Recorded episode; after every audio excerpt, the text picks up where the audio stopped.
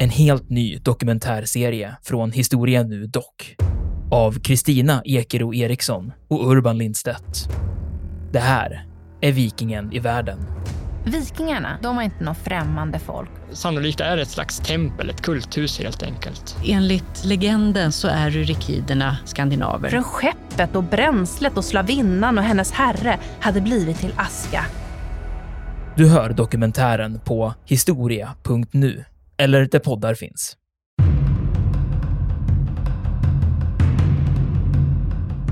Så den sovjetiska armén är, är, är mekaniserad, kommer längs vägen, kan slåss med stridsvagnar, stridsfordon, men kan inte ta sig ut vid sidan av vägen. Då bestämmer man sig från finsk sida att om vi skulle kunna sätta stopp då, man börjar lära sig framförallt att slå ut stridsvagnar. Man sätter stopp och sen så hackar man upp den här kolonnen i mindre bitar, motti. Jag tror att begreppet faktiskt går tillbaka på hur man kapar ved. Sätter stopp och sen attackerar de alltså med skidpatruller. Dyker upp, slår på, retirerar.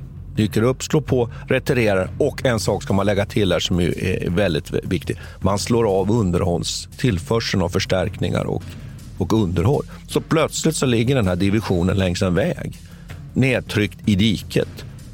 Och hela tiden kommer anfallet, dygnet runt.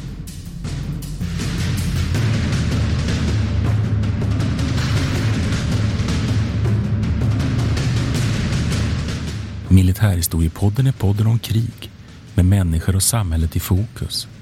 Programledare är Martin Hårdstedt, professor i historia vid Umeå universitet och Peter Bennesved, doktor i idéhistoria. Podden ges ut av förlaget Historiska Media. Stöd gärna MH-podden via vårt swishnummer 123 610 76 68. Märk betalningen med MH-podden.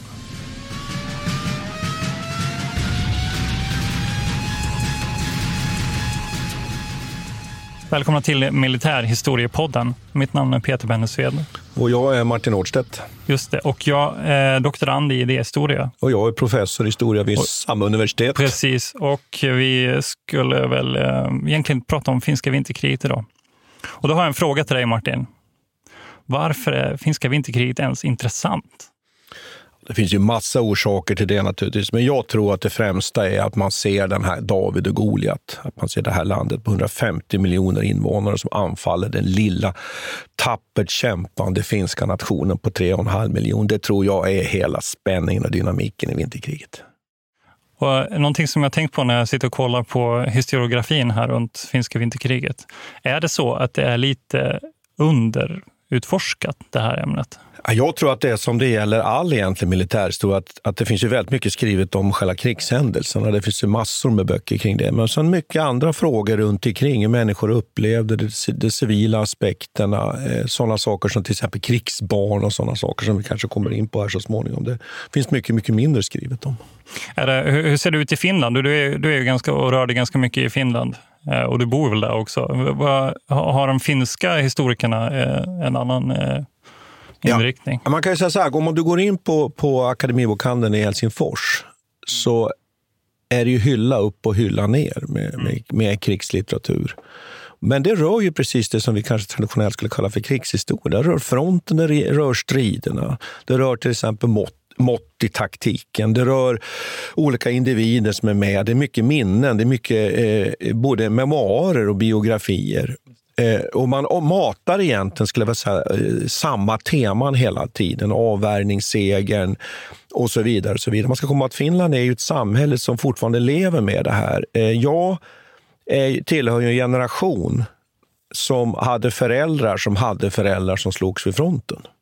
Och det har fortfarande avsättning. Jag ska säga att, att, att den generation som är efter mig, de slipper den här krigs upplevelserna. Så det är också en sån aspekt på vinterkriget och Finland som är väldigt speciell, som vi i Sverige kanske har lite svårt att förstå. Men är det, den här, eh, är det liksom den, det här intresset från Finlands sida, är det bara den här självbildsbiten? Jag tänker att det här kriget är ju ändå det som på något vis inleder den skandinaviska fronten under andra världskriget. Det är ju en väldigt viktig händelse. Ändå är det inte så jättemycket internationellt Eh, riktad litteratur runt det här. Nej, det är inte. Man kan väl säga att det är uppmärksammat därför att vinterkriget är ju så klassiskt. Det finns ju stort internationellt intresse kring den här lilla nationen som kämpar med Sovjet. Och man kan väl ta några grund, grundförutsättningar här. I Finland har man ju ofta velat dela upp andra världskriget i flera krig. Och, och man pratar om vinterkriget då 39 till 40, november till mars 40, 39, eh, november 39 till mars 40. Eh, sen har man ju fortsättningskriget då man deltar i anfallet på, på eh, Sovjet, juni 41 till sommaren 44. Sen har man Lapplandskriget och man ställs inför det faktum att man eh, måste då, så att säga, köra ut de tyska trupperna i Finland. Och I Finland har man haft en tradition av att dela upp det som egentligen är andra världskriget, som du säger egentligen. Det här inleder ju egentligen på riktigt allvar skandinaviska ländernas del i andra världskriget. För efter vinterkriget, mars 40, så kommer ju sen ockupationerna av, av Danmark och Norge i april och det är väl egentligen en reaktion på finska vinterkriget. Det, det var inte, Någonting som, inte en plan som Hitler hade från början, vad jag förstår. Nej, nej, nej, utan det har att göra med eh, bland annat då att han, han uppfattar ett hot mot det som är de norra delarna av Sverige, norra Skandinavien, där ju finns de här malmtillgångarna. Va? Men om man tar hela historien från början kan man konstatera att vinterkriget är ett resultat av att Sovjet uppfattar ett hot från Nazityskland, vill säkra sitt, sitt, eh, sin, sina vitala områden i Sovjet, där ju Leningrad, den andra staden i Sovjet, är viktigt. Och man ställer krav på av Finland att man ska få då vissa landområden. Och dessutom är det ju så att man ju på sommaren 39 har gjort upp i den här Ribbentrop-Molotov-pakten, delat upp Europa i intressesfärer. Så det är själva bakgrunden. Och då ställer man krav på Finland. Vi vill ha de här områdena. Bland annat flytta gränsen västerut på Karelska näset och sen ta Hangö vill man ha som flottbas. Och det är väl uppenbart för alla varför det är viktigt. Man kan komma ut i Östersjön, man kan stänga till Finska viken. Eh, och det här säger Finland nej till. Då, för man menar att det kommer bli omöjligt att försvara Finland. Eh, sen finns det också naturligtvis hela tiden den här aspekten med den nationella eh, stoltheten. Och då beslutar sig Sovjet för att helt enkelt anfalla. Eh, och man hade planerat det här anfallet väldigt väl. Och det var en kraftfull upp, uppladdning. Man sätter in 500 000 man inledningsvis. Då. Det är ganska mycket folk där. Det är ganska mycket folk. Och Eh, vad hade Finland att möta med? Och det här brukar man ibland säga så att Finland hade då så att säga Nordens bästa krigsmakt. brukar man säga. Det här kan, man, det kan ju kanske en sanning med modifikation. Och vad hade Sverige? Ja, Sverige hade ju avrustat mycket under mellankrigstiden. Vi hade mycket materiel, men vi hade inte så, så välövad krigsmakt vid den här tiden. Finland hade en krigsmakt. Mannerheim kan sätta in 250 000 man. Men det är ändå ganska tuffa hot. Så sen ökar ju de här siffrorna naturligtvis under kriget. Eh, Sovjet tar mot slutet en miljon man och Finland har ungefär 350 000 man. Eh, och hur gör, väljer då Sovjet att inleda det här anfallet? Ja, finländarna, finnarna, tror att anfallet ska komma på, på Karelska näset. Men det kommer inte där. Utan det, det kommer, det norr från, ja, det kommer tvåfalt. Precis. Att man, man väl, Sovjet väljer en, en, en, taktik där man då sätter in en huvudstöt naturligtvis eh, över, över Karelska nätet mot Helsingfors. Och sen så vill man klippa Finland i midjan, nämligen mot Tornio. Quality sleep is essential. That's why the Sleep Number smart bed is designed for your ever-evolving sleep needs. Need a bed that's firmer or softer on either side? Helps you sleep at a comfortable temperature? Sleep Number smart beds let you individualize your comfort so you sleep better together. JD Power ranks Sleep Number number 1 in customer satisfaction with mattresses purchased in-store. And now save 40% on the Sleep Number limited edition smart bed for a limited time. For JD Power 2023 award information, visit jdpower.com/awards. Only at Sleep Number stores or sleepnumber.com. A lot can happen in three years, like a chatbot may be your new best friend. But what won't change? Needing health insurance. United Healthcare Tri-Term Medical Plans, underwritten by Golden Rule Insurance Company, offer flexible, budget-friendly coverage that lasts nearly three years in some states. Learn more at uh1.com. This is Paige, the co-host of Giggly Squad, and I want to tell you about a company that I've been loving, Olive and June. Olive and June gives you everything that you need for a salon quality manicure in one box. And if you break it down, it really comes out to $2 a manicure, which is absolutely insane. It's also so easy to get salon worthy nails at home with Olive and June. The difference between how your nails used to look when you did them yourself and now with the Manny system is a complete game changer. The best thing about Olive and June too is it's a quick dry, dries in about one minute, lasts for five days, and full coverage in up to one to two coats. Visit oliveandjune.com slash perfectmanny20 for 20% off your first system. That's oliveandjune.com slash perfectmanny20 for 20% off your first system.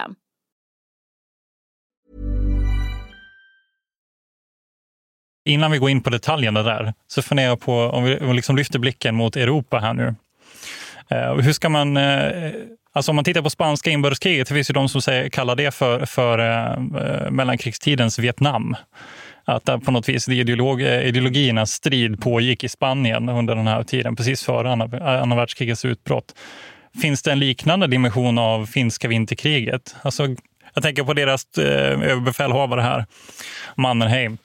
Oh, Mannerheim. Nej, men det, det, skulle jag vilja säga att det finns inte, utan det är geopolitik i det här fallet. Det jag tror du lite ut, söker lite där, det, det är ju det här med att Mannerheim ju ofta brukar man glömma bort att om vi rullar lite tillbaks till, till, till, perioden kring Finlands självständighet så var ju Mannerheim egentligen en person som ju inte i första hand initialt kämpade för Finlands självständighet, utan han ville ju återupprätta ja, det men gamla exakt. Ja, men det är det jag fiskar efter. Mannerheim är ju ursprungligen då aristokrat från Finland, men tjänstgör och får hela sin officersutbildning i Ryssland och är rysk general helt enkelt, men kommer till Finland i samband med självständigheten och blir sen så småningom befälhavare för det, det, det nya Finlands vita, kan man säga då, armé. Då.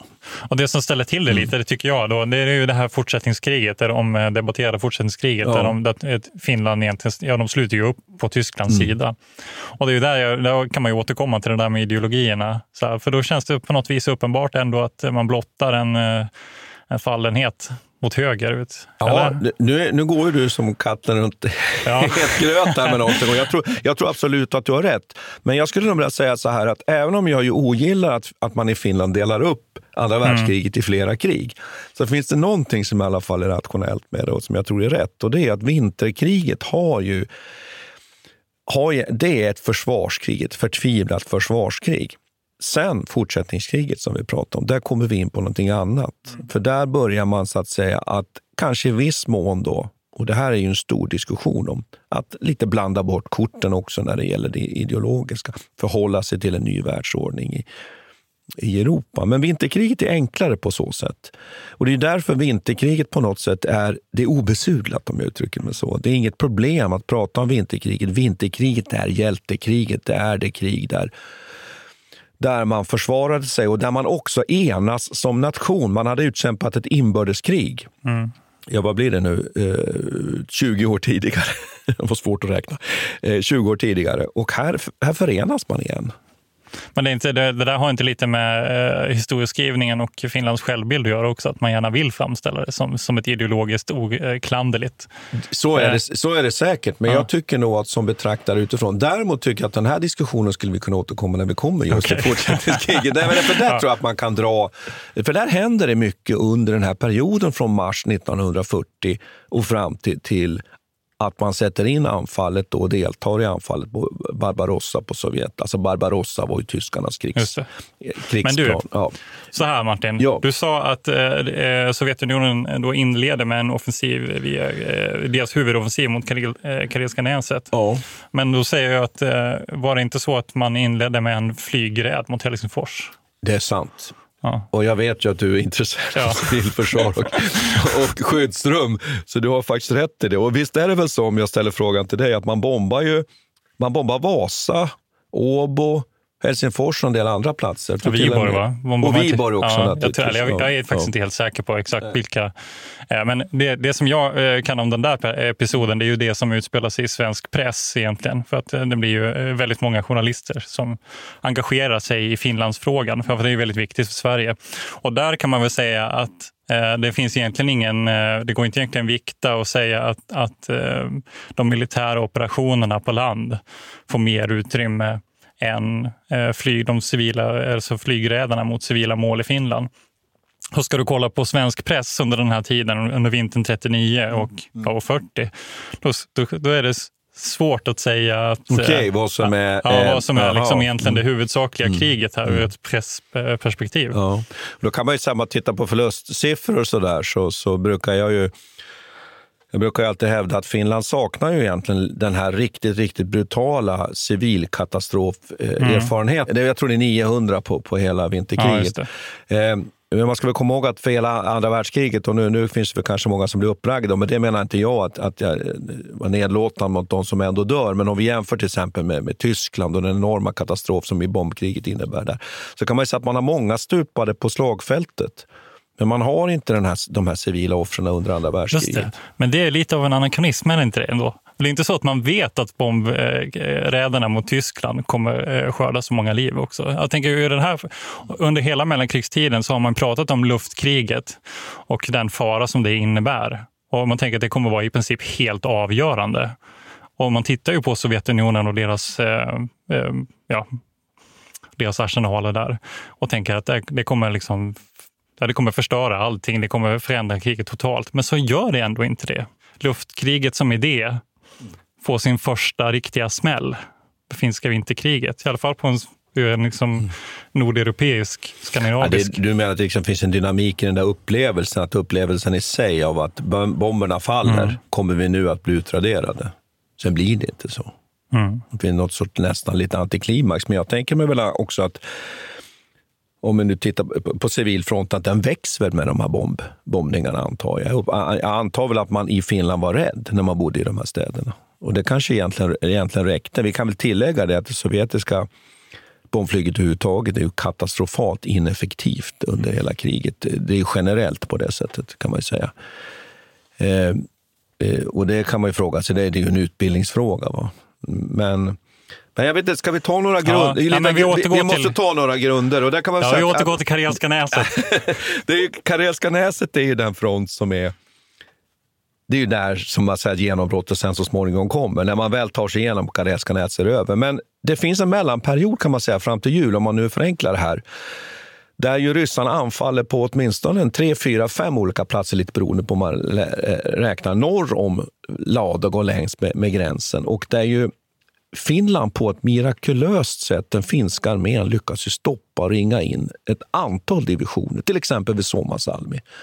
Där man med mycket begränsade trupper lyckas stänga in, ringa in, hacka upp, skapa motti. Mm. Alltså hacka upp eh, de här sovjetiska trupperna och mala ner två divisioner vid Suomasalve. Det är inringningsslaget vid Tolajärvi strax norr om, om Ladoga. Och det här har ju fascinerat eftervärlden väldigt mm. mycket. Mm. Var, berätta, vad är Mutti? Det, det, det, det är nyckelkonceptet. Ja, nyckelkonceptet är ju helt enkelt så här, man får väl gå några steg längre tillbaka. Alltså, den sovjetiska armén är, är, är mekaniserad, kommer längs vägen, kan slåss med stridsvagnar, stridsfordon, men kan inte ta sig ut vid sidan av vägen, enkelt förklarat. Det är väl inte hela sanningen, men ungefär på det sättet. Man är bunden till vägsystemet. Och inledningsvis kan man ju säga det att den, den finska armén flyr ju. Eh, ryssarna tar ju en, en 6, 7, 8 mil ganska snabbt. Men då bestämmer man sig från finsk sida att om vi skulle kunna sätta stopp då, man börjar lära sig framförallt att slå ut stridsvagnar. Man sätter stopp och sen så hackar man upp den här kolonnen i mindre bitar, motti. Jag tror att begreppet faktiskt går tillbaka på hur man kapar ved. Just det. Och det är ett begrepp. Och då gör man så att man isolerar de här måtten, mindre och större. Det fanns bland annat ett mått som man kallade för generalmåttigt som låg norr om Ladugård. Och då jättemåttig då med, med, med tiotusentals ryska soldater. Och här naturligtvis, då, de här ryska soldaterna som var övade i offensiv krigföring, nu ska de plötsligt i den här, ska man ju tillägga, kalla klimatet nu också. Plötsligt ska de börja bedriva försvarsstrid. Förklara mer, eh, alltså när du säger isolera, eh, vad exakt är det de gör då? Om vi ska då prata liksom, eh, hur soldaterna står och går. Det är alltså att de gör någon slags spjutspets in i de kolonnen. Sätter stopp, sätter stopp och sen attackerar de alltså med skidpatruller. Dyker upp, slår på, retirerar. Dyker upp, slår på, retirerar. Och en sak ska man lägga till här som är väldigt viktig. Man slår av underhållstillförseln av förstärkningar och, och underhåll. Så plötsligt så ligger den här divisionen längs en väg, nedtryckt i diket. Och hela tiden kommer anfallet, dygnet runt, från Ja, olika håll. Och då skapar man liksom eh, långa avstånd då mellan de här olika mot Ja, och de, till slut så mal man ner och då plockar man den här, den här så säga, divisionen bit för bit på ett oerhört raffinerat sätt. Och Det här är ju det som är så sägesomspunnet, då, de här skidstyrkorna. Då, som, och på det här sättet kan man säga att det är, det är ju helt otroligt egentligen. Så mal man ner och krossar ett antal ryska divisioner under några månader. Sovjetunionen blev ju annars, eh, och Röda armén blev ju annars, är ju annars kända i till exempel Stalingrad för att försvara sig helt Mm. vildsint. Och att det är en av deras största styrkor. Var, alltså, trots ett- deras misslyckande offensivt så har de varit extremt starka för, i försvarsposition. Jo, och de- Borde inte de ha liksom hanterat den här mot Och goda, samma- goda soldater har de också. Jo, men vi ska också komma ihåg Goda att... Ja, det, nej, men de är goda soldater. Nej, men goda soldater. de Nej, men de är, och med goda soldater menar jag inget nu liksom sådär, ni vet, de, käcka gossar, utan de är ju soldater som ju ofta slåss på ett, på ett häpnadsväckande sätt till sista man. Den sovjetiska krigföringen har ju också alltid karaktäriserats av att man ju använder mycket folk som vet. Vi kommer lite till sen när, när de bryter igenom på Karolinska näset och de ut, utvecklar. Man kan säga så här, den sovjetiska armén är oprövad. Eh, och man har ju som, som, som säkert de flesta vet, de har ju utrensat egentligen alla sina officerare. Det är lite en parallell med den franska armén för franska revolutionen. Stalin har ju rensat ut många av sina officerare, så man har dålig ledning. Och man har dessutom eh, eh, är man dåligt övad. Och man kan egentligen en sak och det är att tränga fram offensivt. Och Det här gör ju att när man blir nedtryckt då i diket, som jag försökte beskriva här, så är det ingen som leder, man blir ensam, man blir isolerad och man tappar. Man det. Sen ska vi också komma ihåg att hur många av de här ryska, sovjetiska soldaterna, även om det fanns en enorm propagandaapparat, uppfattar det här innerst inne som ett rätt, rättfärdig gärning egentligen, att anfalla i, i... Tänk att temperaturen går ner 30 grader. Då spelar det ingen roll att det står en politruk och, och, och skriker eh, någonting. Hade de den här dubbla befälsordningen under fin- finska vinterkriget också? Eller? Alltså de hade en politisk... eh, Ja, den finns hela tiden i ryska ja. armén. Så den, den- kommer bort, den försvinner bort först 41, 42 då någon gång? Eller? Ja, utan, utan inledningsvis så är ju den sovjetiska armén eh, väldigt egentligen primitiv på många sätt. Sen utvecklar man sig nu under vinterkriget faktiskt sin, sin stridstaktik. Och det är ett sånt där, taktik alltså på stridsfältet, hur olika vapensystem samverkar på slagfältet. Taktik, man utvecklar den så småningom här. Men så att vi, jag ska bara säga, vid, jul, vid jultid alltså, så kan man säga att Finland har alltså lyckats stoppa upp hela det här massanfallet. Och det är ju som ett under på något sätt. Så där är vi liksom nu tidsmässigt i den här kronologin. Då. Men det här undret, det, eh, jag undrar om undret ändå. Ja. För att jag, jag, jag förstår ju he- hela det här resonemanget. Att eh, Det är klart att på ett häpnadsväckande vis så, så slår Finland tillbaka. Men är det inte på också så ödesbestämt att eh, en krigsmakt så som Röda armén också kommer lära sig så småningom?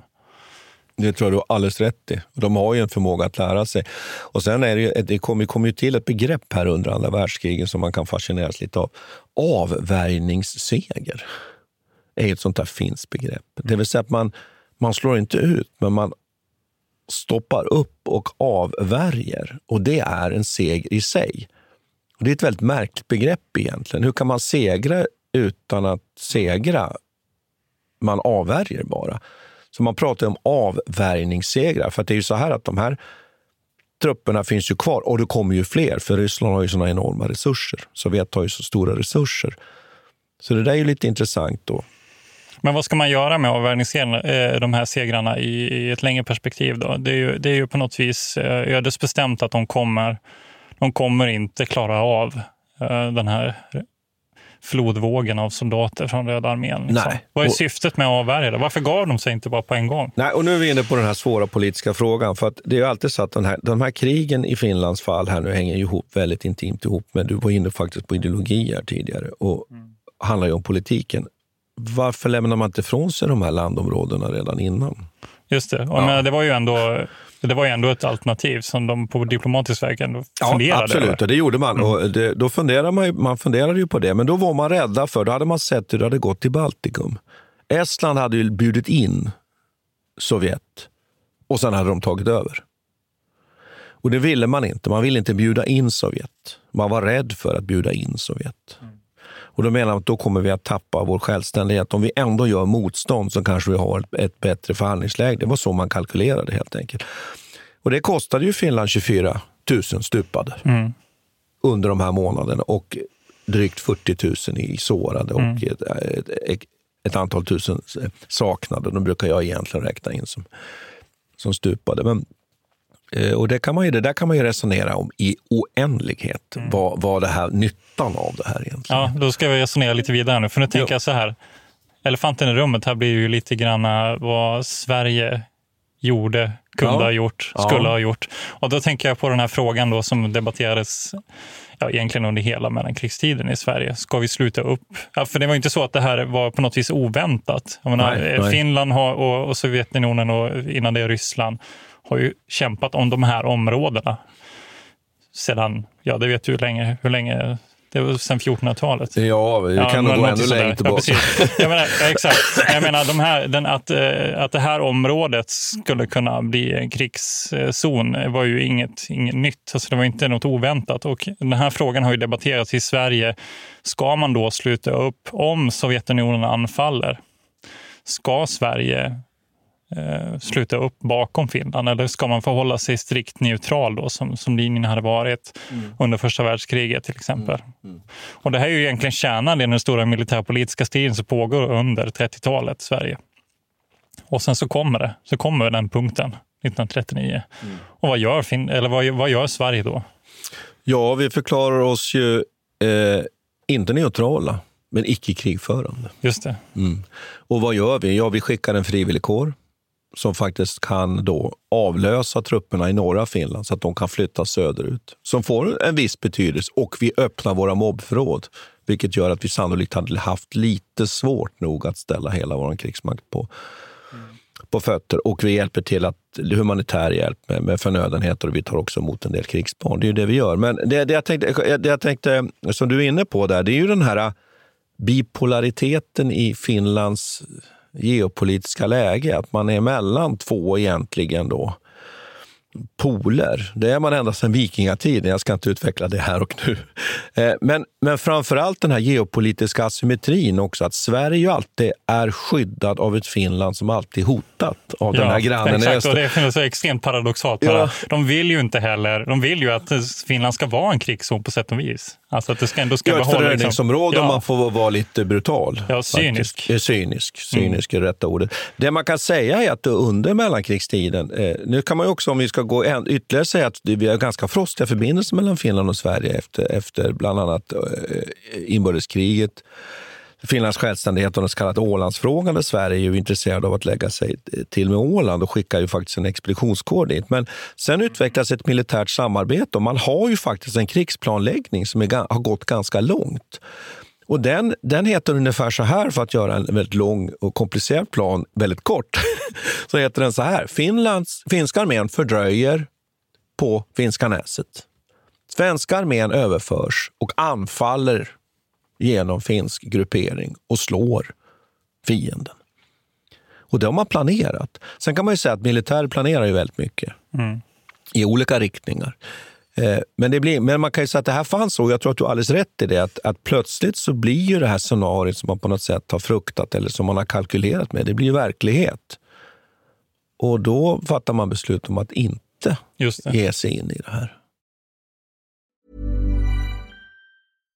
Ready to pop the question? The jewelers at BlueNile.com have got sparkle down to a science with beautiful lab grown diamonds worthy of your most brilliant moments. Their lab grown diamonds are independently graded and guaranteed identical to natural diamonds, and they're ready to ship to your door. Go to BlueNile.com and use promo code LISTEN to get $50 off your purchase of $500 or more. That's code LISTEN at BlueNile.com for $50 off. BlueNile.com code LISTEN. Millions of people have lost weight with personalized plans from Noom, like Evan, who can't stand salads and still lost 50 pounds. Salads, generally, for most people, are the easy button, right? For me, that wasn't an option. I never really was a salad guy. That's just not who I am. But Noom worked for me. Get your personalized plan today at Noom.com. Real Noom user compensated to provide their story. In four weeks, the typical Noom user can expect to lose one to two pounds per week. Individual results may vary. A lot can happen in the next three years. Like a chatbot may be your new best friend. But what won't change? Needing health insurance. United Healthcare Tri Term Medical Plans are available for these changing times. Underwritten by Golden Rule Insurance Company, they offer budget friendly, flexible coverage for people who are in between jobs or missed open enrollment. The plans last nearly three years in some states, with access to a nationwide network of doctors and hospitals. So, for whatever tomorrow brings, United Healthcare Tri Term Medical Plans may be for you. Learn more at uh1.com. Jag kan väl fråga om det är en politisk fråga. Då. Det finns ju, eh, ja, vad är det liksom Socialdemokraterna som, som försökte hålla den här strikta... De har ju varit pacifister under, under tidigt, mm. tidigt 20-tal och kommit ut ur liksom första världskriget som, som de som skulle föra freden till, till världen. Och så hålla den här strikta neutrala linjen. Och man kan ju undra då hur, hur, stort, hur stort inflytande Per Albin egentligen hade i det där och den socialdemokratiska ledningen. De var väl också för Eh, en stark marin va, som skulle hålla Jo. Eh, som jag förstår. Ja, det är klart att linjen i Sverige och framförallt socialdemokratin är att hålla Sverige utanför kriget. Och det kommer vi ju sen om vi skulle resonera ännu mer vad som händer under, eh, under, under andra världskriget i Sverige så, till, så tummar vi ju ganska långt på vad ska vi kalla det för då? Det som man väl kan ifrågasätta kanske lite moraliskt. Är det en skamfläck för Sverige det, eller? Hur ska man se på det egentligen? Alltså det är ju, det är ju jäkligt cyniskt. Alltså, och jag tänker över fredsförhandlingarna 40 också. Ja, att man egentligen, I mars 40, ja. ja efter vinterkriget. Ja. Eller man, är i princip, man vill ju att de, de eh, går med på ett fredsavtal. För man vill inte att, att de ska fortsätta kämpa så att hela landet faller, så att säga. Utan man vill ju behålla liksom, den finska zonen. Ja, det är ju ett sätt att se, det är ett sätt att se ja, på det. Ett annat sätt att se på det är att man så att säga, vill hjälpa finländarna till en fred som är ja, rimlig. Jo, Men det, det, det, är sant. Det är sant. Det, ja. Och det är ju extremt. Jo, det är klart, det beror på hur man ser på det. Om man tar en cynisk... Och här kommer vi in på sådana saker som vi egentligen inte kan veta, för man vet inte vad som skedde i, i, i, i stäng, bakom stängda dörrar och så vidare. Och det här är ju historikens problem. Om man nu, vi, är, vi är ju faktiskt historiker här. Det kanske man inte kan tro, men vi är ju faktiskt historiker. Och, och där är det ju så ofta att man brukar säga så här att det är källmaterial som skulle kunna kasta ljus över sådana här saker och kalkyler. De kommer aldrig till arkiven. Utan det vi får ta del av är ofta en friserad, Just. Ja, tillrättalagd eh, ja, verklighet. Ja. Ett krig som, som eh, ligger så nära i tid att de här mest avgörande besluten känner vi inte riktigt till. Eller vi vet inte alla detaljer. Nej. Det är väldigt spännande. Nej, och mycket har försigkommit upp i huvudet på människor sannolikt. Och i, i rum, man har suttit så här i grupper som du och jag sitter och de spekulerar och funderar. Ja.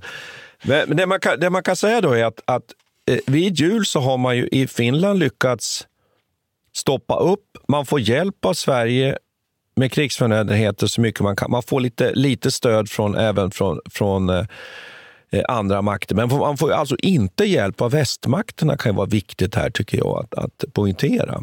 Britter och fransmän skyndar inte till Finlands hjälp. De gör, de gör väl i och för sig en stor poäng av att, att framförallt Daladier va? i ja. Frankrike gör väl en stor poäng av att han ska sluta upp. På, han ska på sluta upp. Ja, men det blir aldrig av det. Nej, det blir hans regering i princip faller väl på grund av den frågan. Va? Ja, så? Och, och, det är också så, ja, det ska vi också komma ihåg här, att, att när det här kriget liksom verkar ut i mars så ska vi veta det att sen, sen kommer ju den stora smällen i Europa också. Man hinner ju inte sen. Va?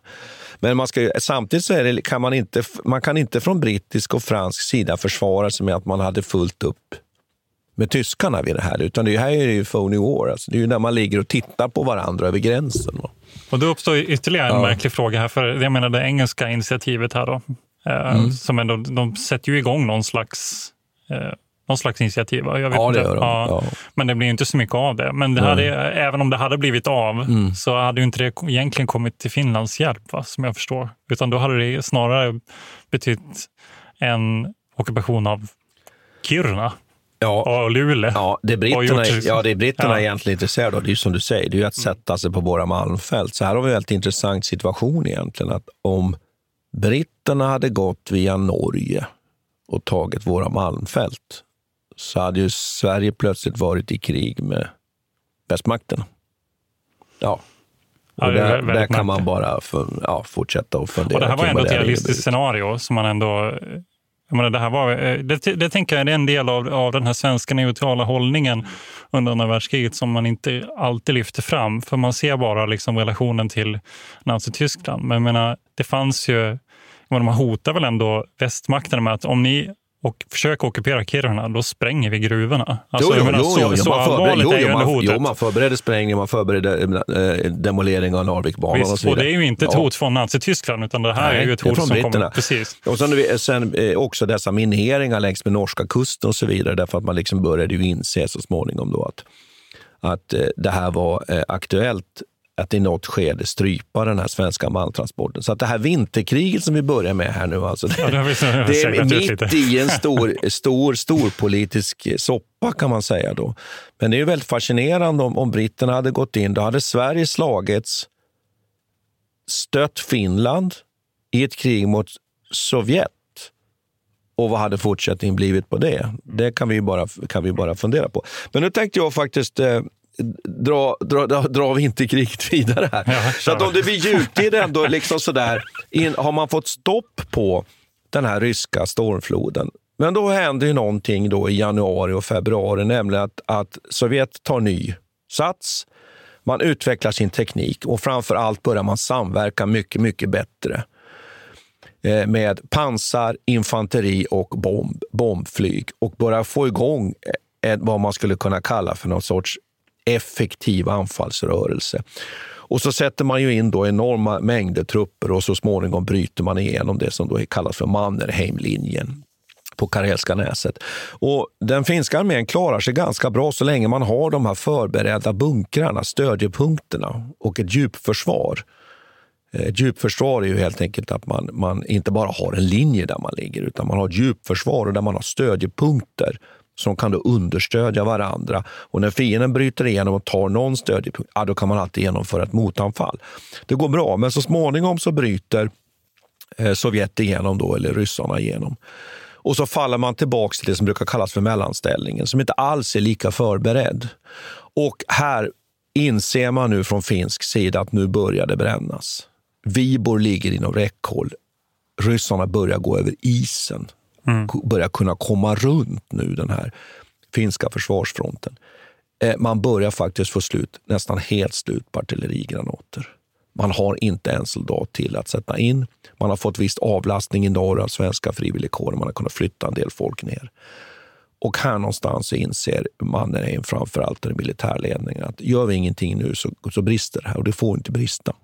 Nu har vi ett, ett läge att, att förhandla. Och då sätter man sig vid förhandlingsbordet och förhandlar fram den här marsfreden då, 1940. Som ju innebär att man, man får lämna en del av då, egentligen delar av det som man hade eh, fått som krav från Sovjet innan vinterkriget. Delar av Karelska näset, men också att Hangö blir sovjetisk bas. Och så kan man också nämna att det här Petsamo-området uppe i norr. Varför är Hangö intressant? För? Ja, Hangö är ju helt enkelt så strategiskt, skulle man kunna säga. Det är så operativt betydelsefullt i Östersjön Mm. för Finska vikens inlopp. Och du kan också slå mot Åland. Du dominerar egentligen hela centrala Östersjön om du har Hangö. Du kommer snabbt ut på havet. Så att, och alla ni som reser dit vet att det blåser som, som 17 i Hangö faktiskt. Och det säger någonting, nämligen att där är havet väldigt öppet. Jag har försökt att fira midsommar där några gånger och, och man fryser fruktansvärt. Och det, då kan man säga att det här är nu något tramsigt jag säger, men det säger någonting om den platsen. Nämligen att där kommer man direkt ut på havet och det är väldigt betydelsefullt. Det var där till exempel den tyska eh, tyska division som understödjer den vita sidan inbördeskriget gick i land och så vidare. Så det är en väldigt strategiskt viktig plats. Eh, och sen har vi nämnt hur många som stupar och dör. Och, men man överlever ändå detta enorma anfall. Och då ska ju sägas då att Sovjet väljer att i slutet på den här offens, stora offensiven på Karelska näset att börja plocka bort trupper. Mm. Därför att man har så småningom nya åtaganden på annat håll. Då. Men vinterkriget sammanfattningsvis är väl, är väl David och Goliat och det kan inte vara någonting annat. Tycker jag. Och vi har försökt att peka på en del aspekter här som gör att det inte är helt självklart att placera in det i det här stor, stor, stormaktssammanhanget. Eh, och, mått, och måttig. Men eh, jag vet att du har sagt till mig vid något tillfälle att det här får betydelse för svenskt civilförsvar. Vinterkriget Ja, ja, i Finland. Ja. Eh, Det, det är spännande på det viset att eh, från civilförsvarssynpunkt då, så är det ju så att, eh, nu har jag inte beforskat det här supermycket, men, men som jag förstår så var det så att den finska civilförsvaret är egentligen modellerat efter en svensk, hade gjort efter en svensk modell. Under 30-talet? Ja, Ja, under 30-talet. Eh, Så man tar den, eh, man inspireras av den svenska modellen och så, så bygger man upp detta i Finland. Där man inser att det, ja, det börjar, börjar bli på allvar. Och, och då bygger man då skyddsrum och man, eh, ut, eh, man har alarmering och, och eh, kamouflageverksamhet och mörkläggning och så vidare. Skaffa luftvärnskanoner och- i den mån man har det. Men, och det som händer då är ju att i Finland får man faktiskt pröva den här organisationen medan Sverige går ju ostört genom andra världskriget på det, ur, ur det här perspektivet. Så att, eh, och Det här inser man ju också från svensk sida och de som är intresserade av civilförsvaret i Sverige, de åker ju till Finland för att se hur deras idéer realiseras. Den här, eh, den här typen av aktiviteter gjorde man ju tidigare också. Man åkte till spanska inbördeskriget till exempel. Men där var det ju inte en svensk modell som man fick testa.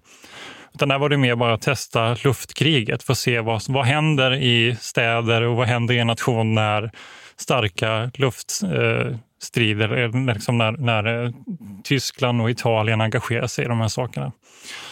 Eh, så att det, det får ju jättestora efterverkningar för hur man ser på civilförsvar i Sverige eftersom man ser, okej, det, det ser ut som att det funkar det här.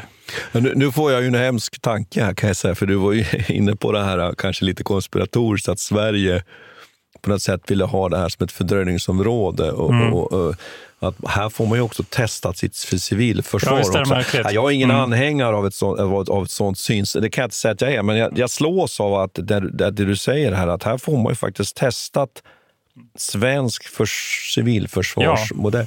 Det här, Och det här- och apropå de här- det, du, ja, det, du, jag får bara Ja. säga, det, det, det du Mm. började med, här, du pratade om, finns det saker man skulle behöva beforska mer, så är det väl sånt här bland annat man Mm. skulle behöva lyfta mer. Ja, för det- och det här är viktigt för att, för att eh, en skillnad, någonting som man inser tidigt inom civilförsvaret är att städernas uppbyggnad, geografin, geologin spelar roll. Vad finns det för resurser i en stad? Hur bygger man städer? Hur bygger man hus? Alltså mer på, på väldigt detaljnivå här. Alltså, hur, ser, hur ser gatsystemen ut? Vilken infrastruktur finns i området och allt sånt där. Och Finland är ju väldigt likt Sverige på ett sätt som Spanien inte är, till exempel. Det finns ju klart det finns ju jämförelsepunkter där också. Barcelona ligger vid havet. Eh, påminner väldigt mycket om Stockholm till exempel. Så bombningen i Barcelona var ju väldigt central också för hur man sen bygger upp ett svenskt civilförsvar. Men Helsingfors är ju ännu mer Och det är en nordisk stad. Ja, det är en Mm. nordisk stad och det, finns ju, det är svensktalande. Det finns ju, ja men av alla de andra skälen liksom. Så man åker ju dit och tittar på hur ser städerna ut efter, hur agerar befolkningen, klarar de sig? Och den finska eh, eh, civila krigserfarenheten blir ju jätteviktig sen när man eh, ska, om man ska fortsätta bygga civilförsvar efter andra världskriget. För kan man titta, ja men det går faktiskt att överleva det här. Kolla på Finland. Det var hemskt de här första dagarna. Många dog. Men de klarade sig ändå. Och i svenska dagstidningar så, så propagerar man ju för att bygga upp mer skyddsrum i Sverige på grund av att man ser att det funkar. Just nu, i detta nu, i Helsingfors, i Åbo, eh, i Viborg, där överlever folk. Men jag sa ju tidigare att jag, att jag uppfattar att man i Finland inte har den här civil, ja, katastrofala upplevelsen. Men om vi skulle modifiera det lite då och säga så här.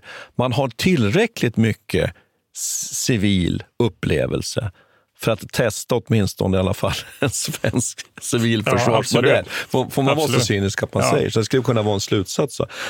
Och luftkriget så som det, som det bedrivs i, i Finland påminner ju ganska mycket om, det, eh, om den modellen för luftkrig som man tänkte sig under mellankrigstiden. Den här eh, dohetistiska. Ja. Eh, Och det tror jag vi ska komma tillbaka till. Ja, det här. och det här var måste inte, det var inte massbombningar av det slaget. Jag menar, Dohe, den här eh, italienske flygvapenchefen, han föreställer sig att det räcker med typ 300 kilo gasbomber på en huvudstad så faller hela landet.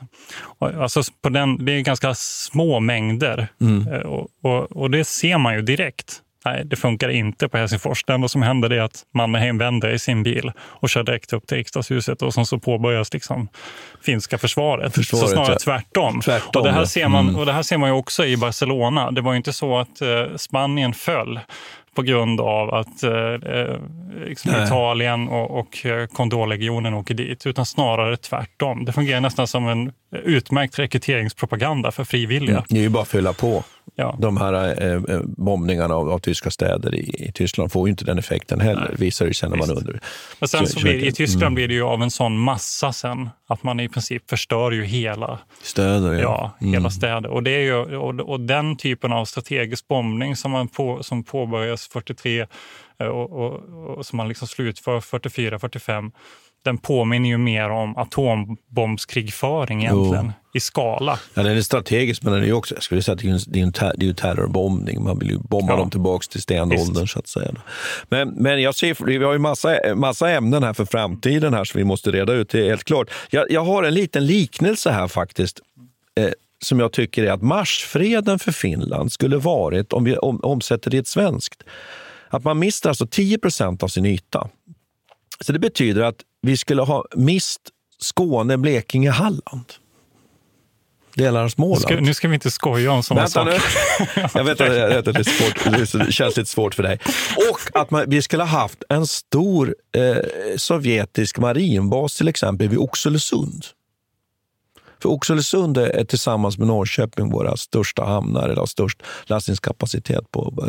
Så där har ni, har ni scenariet med närheten till stora. Så jag tycker att man ska också komma ihåg att, att Finland klarar sig, men man får offra en, en, en, en hel del. Och naturligtvis också en massa befolkning i Karelen som, som redan nu då strömmar in i Finland och sen slutgiltigt kommer att komma. Man flyttar tillbaks under anfallsskedet under fortsättningskriget och sen så kommer man tillbaka. Och det är till, till, till slut då 400 000 människor. Då. Planning for your next trip? Elevate your travel style with Quince. Quince has all the jet setting essentials you'll want for your next getaway, like European linen, premium luggage options, buttery soft Italian leather bags, and so much more. And is all priced at 50 to 80% less than similar brands. Plus, Quince only works with factories that use safe and ethical manufacturing practices. Pack your bags with high-quality essentials you'll be wearing for vacations to come with Quince. Go to quince.com slash pack for free shipping and 365-day returns. Here's a cool fact a crocodile can't stick out its tongue. Another cool fact you can get short term health insurance for a month or just under a year in some states. United Healthcare short term insurance plans are designed for people who are between jobs, coming off their parents' plan, or turning a side hustle into a full time gig. Underwritten by Golden Rule Insurance Company, they offer flexible, budget friendly coverage with access to a nationwide network of doctors and hospitals. Get more cool facts about United Healthcare short term plans at uh1.com. Mom deserves the best, and there's no better place to shop for Mother's Day than Whole Foods Market. They're your destination for unbeatable savings, from premium gifts to show-stopping flowers and irresistible desserts. Start by saving 33% with Prime on all body care and candles. Then get a 15-stem bunch of tulips for just $9.99 each with Prime. Round out Mom's menu with festive rosé, irresistible berry chantilly cake, and more special treats. Come celebrate Mother's Day at Whole Foods Market. I dagarna så, så, eh, så pratas det om, om utvidgat försvarssamarbete med Finland. Och, jag menar, de här problemen som man drogs med 1930-talet eh, och som utmynnade i 1939, de lever vi egentligen fortfarande med. På sätt ja, och vis. Ja, därför att och det, nu, nu måste, man, måste man välja lite här hur man ser på, på näs, Mm. nästa, nästa militära konflikt som vi inte vet så mycket om. Nej. Tänker man sig naturligtvis det här anfallet över Karelska näset, då är det precis likadant. Men tänker vi oss någon annan form av anfall på Finland, då, då, då är det inte säkert att det kommer, kommer bli på det sättet. Och det är ju det här man brottas med, skulle jag vilja säga, i våra, i våra ledningar, i våra respektive länder. Hur kommer framtidens krig att se ut? Och det är ju väldigt svårt att säga. I Finland har man ju varit, skulle jag vilja säga då, man får säga så, mera konservativ. Man har tänkt sig att man vill ha en, en, en infanterikrigsmakt som kan slåss och stoppa. Medan man i Sverige satsar på till exempel flygvapen och sådana saker. Vi lägger ju lika mycket på våra försvarsmakter. Till och med så det är så att Sverige lägger mer. Fast vi har färre soldater. Lite olika sätt att se på, på hur mm. man förväntar sig nästa krig. Då. Men jag tror att man, är, man kan väl säga så här. En sak är helt säker. Jag tror att vinterkriget har haft mental betydelse för Finland. Finland har en krigsmakt. Så hur, hur, hur så att säga, man kan tycka att de ser slafsiga eller töntiga de ser ut, de här soldaterna. De är inte slafsiga, jag ser ganska mycket finska soldater. De är ofta propra. Eh, så spelar det ingen roll. De har räddat nationen. Och jag tror man är mentalt kvar där i att man skulle aldrig göra sig av med sin värnpliktsarmé. Aldrig. Och krigsmakten har, har en central roll i det finska samhället. Det tycker jag är viktigt att komma ihåg. Man tar bort så att säga, det här det den gör i kriget, men att den också är en del av att upprätthålla känslan för, för nationen. Och där har vi valt ett annat sätt att se på det i Sverige. Och Det kan man fråga sig om konsekvenserna. Du vill ha konsekvenser ja, för framtiden. Och vinter, Jag skulle bara säga det att mm. vinterkriget tror jag är, eh, är det som som gör att Finland fortfarande än idag, som en av få länder, nu är, har ju många länder återinfört sin värnplikt, även, även Sverige. Vi hade den ju för övrigt formellt bara vilande, men, men vi har börjat utbilda åldersklasser igen. Det tror jag är helt avgörande. Mm. Så jag tror att vinterkriget är, är helt avgörande mentalt. För om man kollar ur civilförsvarsperspektiv också så uppstår en väldigt märklig situation eh, efter för att Finland behåller ju sin civilförsvarsorganisation i stort sett vad jag, vad jag förstår. Eh, I, I länder som, som eh, Sverige och i Schweiz till exempel, där det egentligen inte är några det blir aldrig krig på svensk eller schweizisk mark.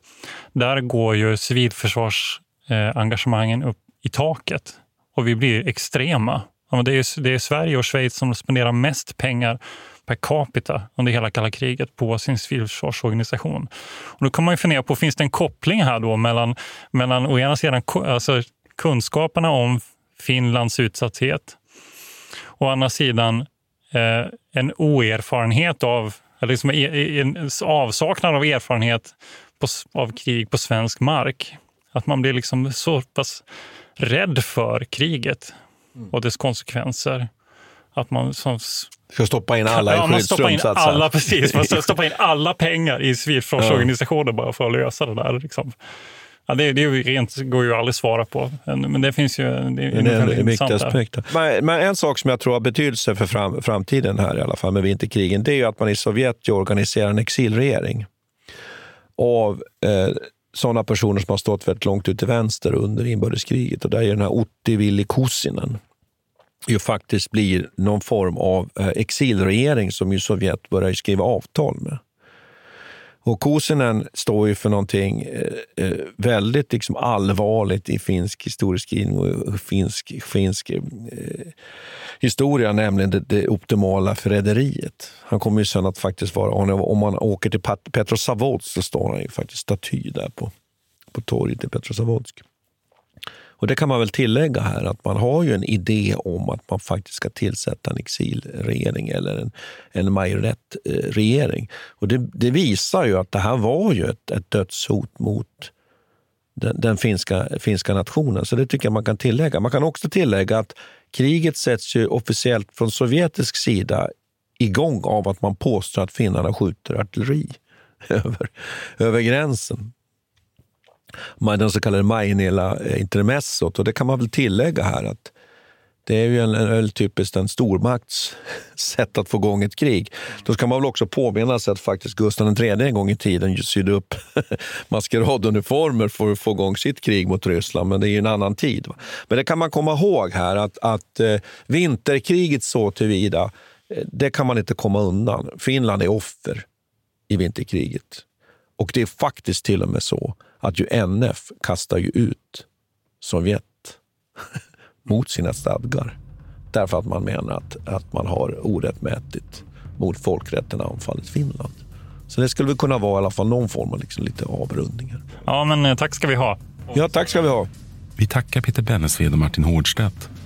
Kontakta gärna Militärhistoriepodden via mejl på militarhistoriepodden historia.nu. Peter och Martin vill gärna få in synpunkter och förslag till programidéer.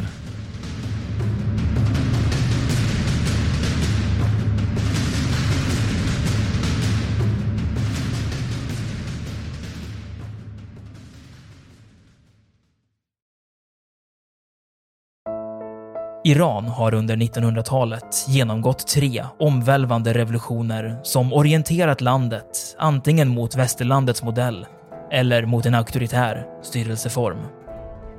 Idag pågår en social revolution i landet som vänder sig mot det islamistiska styret och vars anhängare har Europa och väst som förebilder. I en viktig bok ger idéhistorikern Mohammad Faslashemi en djupare förståelse för dagens dramatiska händelseutveckling. Iran mellan tre revolutioner är utgiven av förlaget Historiska Media. Beställ den fysiska boken på förlagets hemsida historiskamedia.se eller köp den i en bokhandel nära dig.